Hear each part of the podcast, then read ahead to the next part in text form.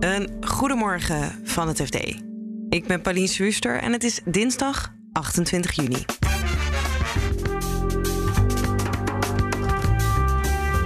De medewerkers van IT-bedrijf Centric hebben het gehad met hun eigenaar Gerard Sanderink en komen in opstand. De medewerkers die, die vinden het verschrikkelijk dat uh, het bedrijf eigenlijk in, in de greep is van uh, de privésores van zijn eigenaar.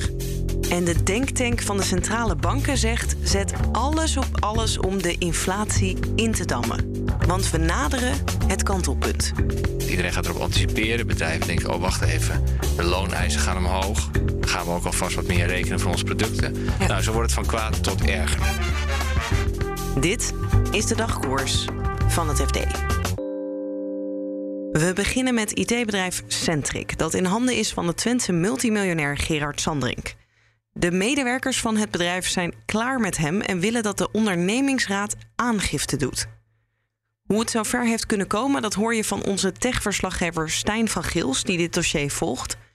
Maar eerst even wat er nou aan de hand is met deze IT-miljonair. Met Gerard Sanderink is privé een heleboel aan de hand. Uh, hij is in conflict met zijn ex-vriendin, Brigitte van Echten, die ook directeur was bij uh, zijn zonnepanelenbedrijf. En volgens Sanderink heeft zij gefraudeerd. En hij doet er alles aan om ja, dat aan te tonen. Ja. Uh, hij heeft onder andere een rapport laten opstellen, waardoor de rechtbank als onrechtmatig gezien is. En hij moet uh, dwangsommen betalen. Die heeft hij inmiddels voor een deel ook betaald. 1,9 miljoen is weer overgemaakt. Um, maar dat, dat wil hij eigenlijk niet overmaken. Uh, dus in dat conflict sleept hij zijn bedrijf als het ware mee. En, en um, ja, van dat, dat meeslepen, daar, daar zie je nu een hoop van bij Centrec. Ja, want ik denk dat het een beetje het kantelpunt was voor het bedrijf. Dat het bedrijf zelf opeens in een juridische procedure tegen zijn ex uh, verzeild was. Ja, want uh, er lag dus een beslag van 1,9 miljoen wat Sandering moest betalen aan Van Echten. En prompt kwam het bedrijf Centric met een beslag bij Van Echten van exact hetzelfde bedrag. Ja. Want Centric zou schade hebben geleden door. Ja, imago-schade door, door dat conflict. Door de hele affaire. ja. ja. De rechter heeft inmiddels gezegd, nou, dat gaat niet gebeuren. En het is ook, wat was het, onrechtmatig procederen? Uh, het, het, het, werd gezien als misbruik van recht. In juni, of nou ja, eigenlijk begin juni, begin deze maand, uh, toen stapte de voltallige uitvoerende directie op. En dat gaat, ging ook weer over dit conflict. Ja, dat gaat eigenlijk exact hierover. Want ja. die directie, wat wij begrepen, voelde die zich een beetje erin geluisterd bij, bij het leggen van dat beslag.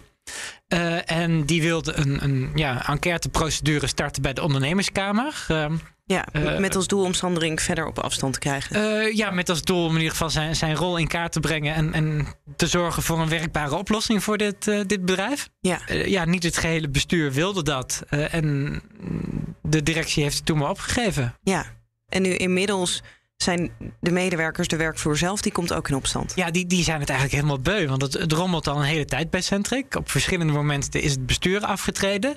Um, dat bedrijf heeft heel veel last van uh, ja, uh, het gedoe rond Gerard Sanderink.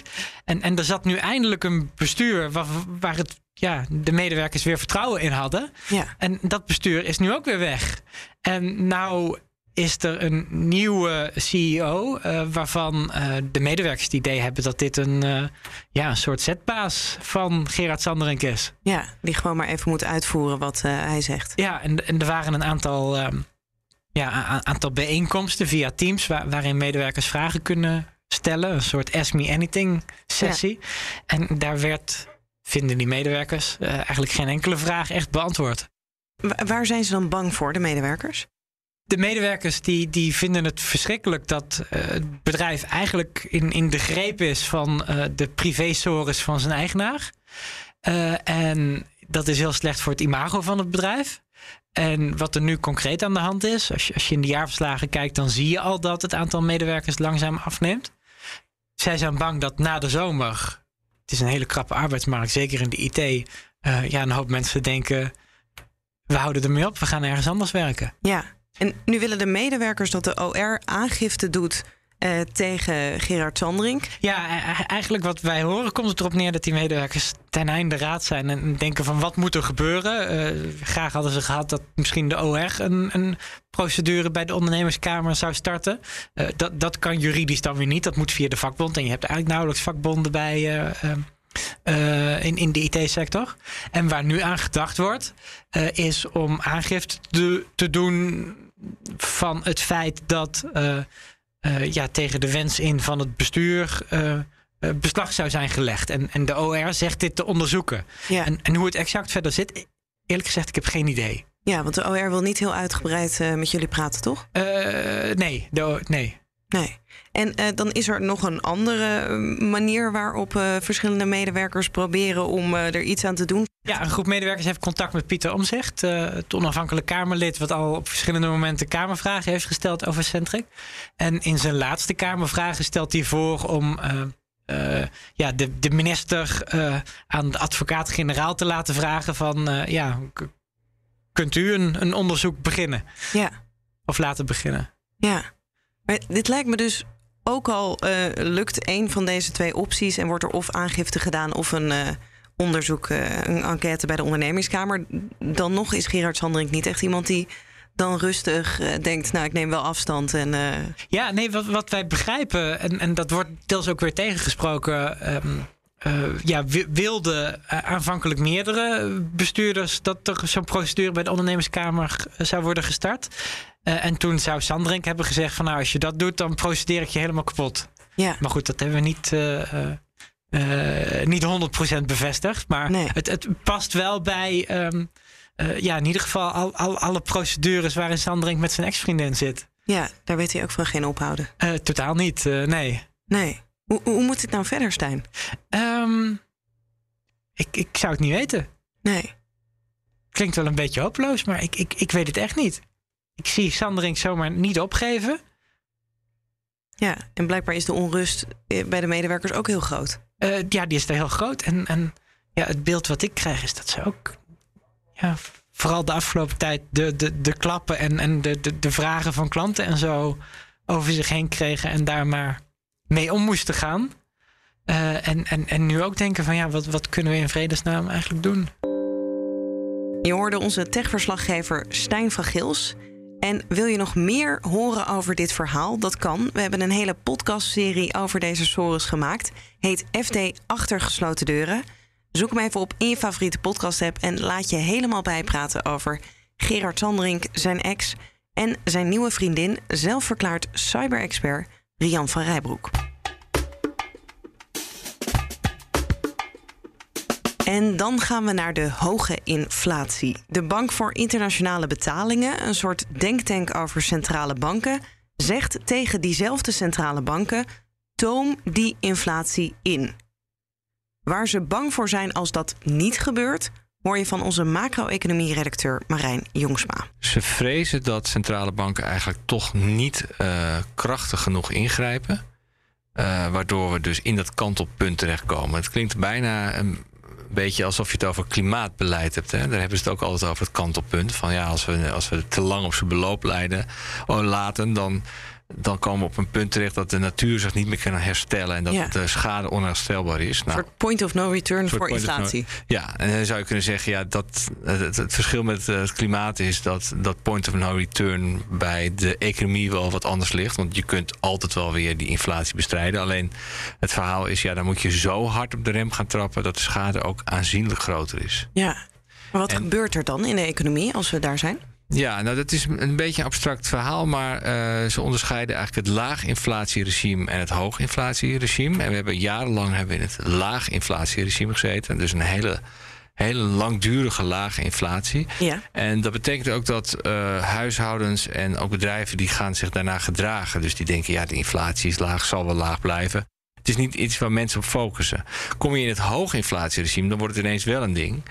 Werknemers gaan bijvoorbeeld denken: ja, wacht even, het wordt alleen maar erger. Dus uh, die gaan zich organiseren. Dus je krijgt weer meer lidmaatschap van de vakbond. Of ze gaan zich in, in spontane acties uh, uh, gaan ze zich organiseren om hogere lonen te eisen te stellen.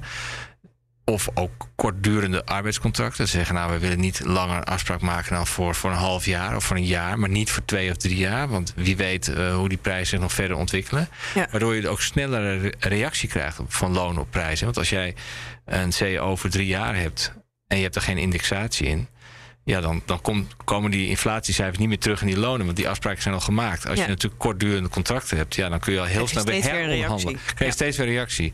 Nou ja, dat, dat soort dingen eigenlijk allemaal. Dus, dus iedereen gaat zich richten op die inflatie. En uh, ja, dat betekent dus dat de inflatieverwachtingen ook toenemen. Want, want iedereen gaat erop anticiperen. Bedrijven denken, oh wacht even, de looneisen gaan omhoog. Of de contracten zijn korter. Dan gaan we ook alvast wat meer rekenen voor onze producten. Nou, zo wordt het van kwaad tot erger. Dus je krijgt een, een, een escalatie in plaats van een de-escalatie. En dat is dat kantelpunt. Maar de grap is, niemand weet waar dat kantelpunt ligt. Het is een zuiver theoretisch concept. Er is geen, uh, geen handboek, er is geen Enkhuizen almanak... waarbij je kunt zeggen van nou, uh, als je op dit niveau zit... dan zit je bij het kantelpunt, uh, dan moet je op de rem trappen. Nee, maar uiteindelijk zit het kantelpunt voordat er dan een hele grote hamer moet komen... met wat ons waarschijnlijk in een soort recessie duwt, omdat we de rentes enorm omhoog moeten doen. Eigenlijk zegt uh, de BIS, het is een soort uh, no-regret beleid, zou je kunnen zeggen. Dus je, je weet niet waar het punt zit waarin je uh, moet ingrijpen. Maar doe je het niet, dan is de kans groot dat je daar nog veel harder moet ingrijpen. Ja, en ze zeggen dan niet of het nou ja, harder ingrijpen, de rente een beetje verhogen, wat de centrale banken nu doen, slash zeggen te gaan doen, of dat genoeg is? Nee, dat zeggen ze zeker niet. Uh, ze komen dus niet met een spoorboekje van nou, als je dit doet, dan ben je goed bezig. Of ze zeggen ook niet van nou, het is te weinig tot dusver. Ze nee. houden zich op de vlakte. Maar het feit dat ze dit zo benadrukken. Uh, geeft wel aan dat ze zich kennelijk een beetje zorgen maakt, uh, maken. Dat bepaalde centrale banken zullen zeggen: Nou, we gaan niet, niet te hard ingrijpen, want dan berokkenen wij de economie te veel schade.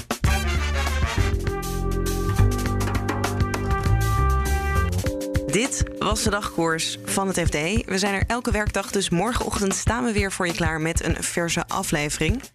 En onze podcastserie over Gerard Tandrink, die staat nu al klaar.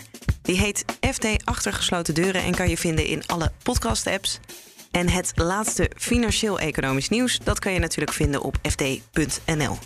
Voor nu een hele fijne dag en graag tot morgen.